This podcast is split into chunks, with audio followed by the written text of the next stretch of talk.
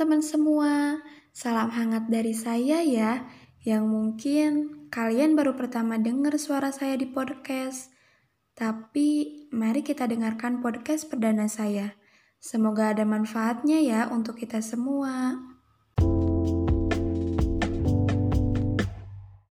Untuk podcast perdana ini, saya mengambil tema yang kedengarannya cukup berat untuk dibahas yaitu menjaga kesehatan mental saat pandemi. Tapi nggak apa-apa ya, mari kita ngobrol singkat saja.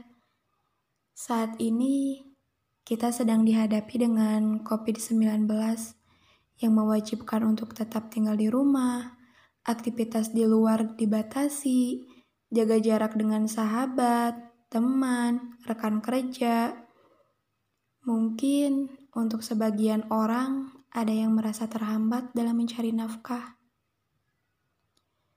Hal ini akan mengakibatkan kekhawatiran lebih meningkat karena ketakutan terhadap wabah, rasa kesal, sedih, kesepian karena terlalu lama di rumah, stres karena banyak tugas online mungkin, kecemasan akan kebutuhan hidup sehari-hari karena masalah ekonomi yang sedang tidak baik-baik saja ditambah kebingungan akibat informasi yang simpang siur.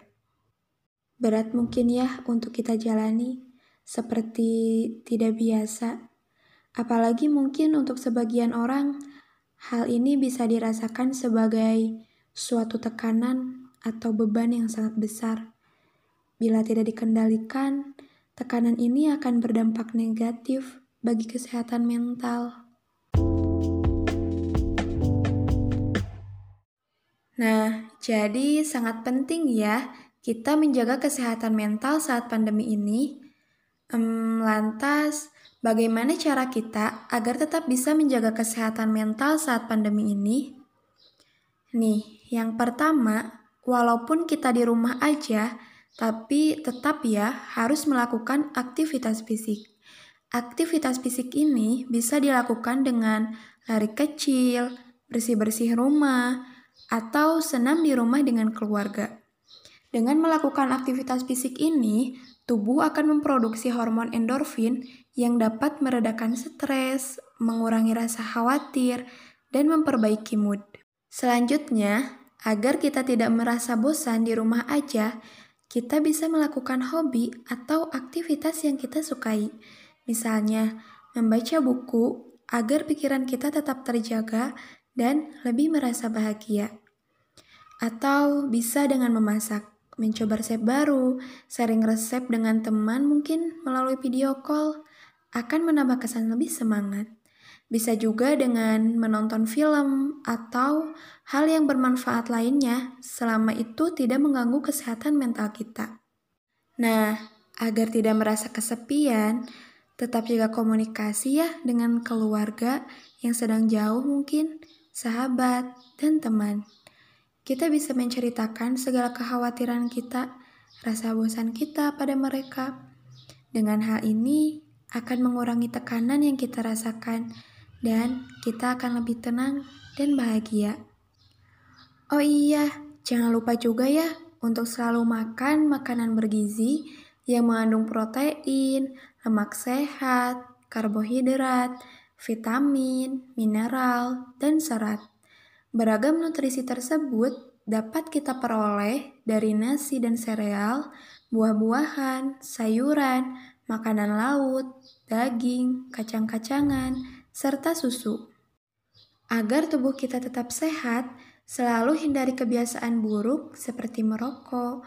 Mulailah untuk berhenti merokok di masa pandemi ini.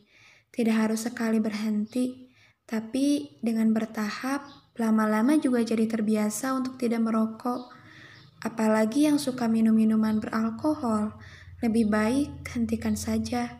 Selain mengganggu kesehatan fisik, dapat berdampak buruk bagi kesehatan mental.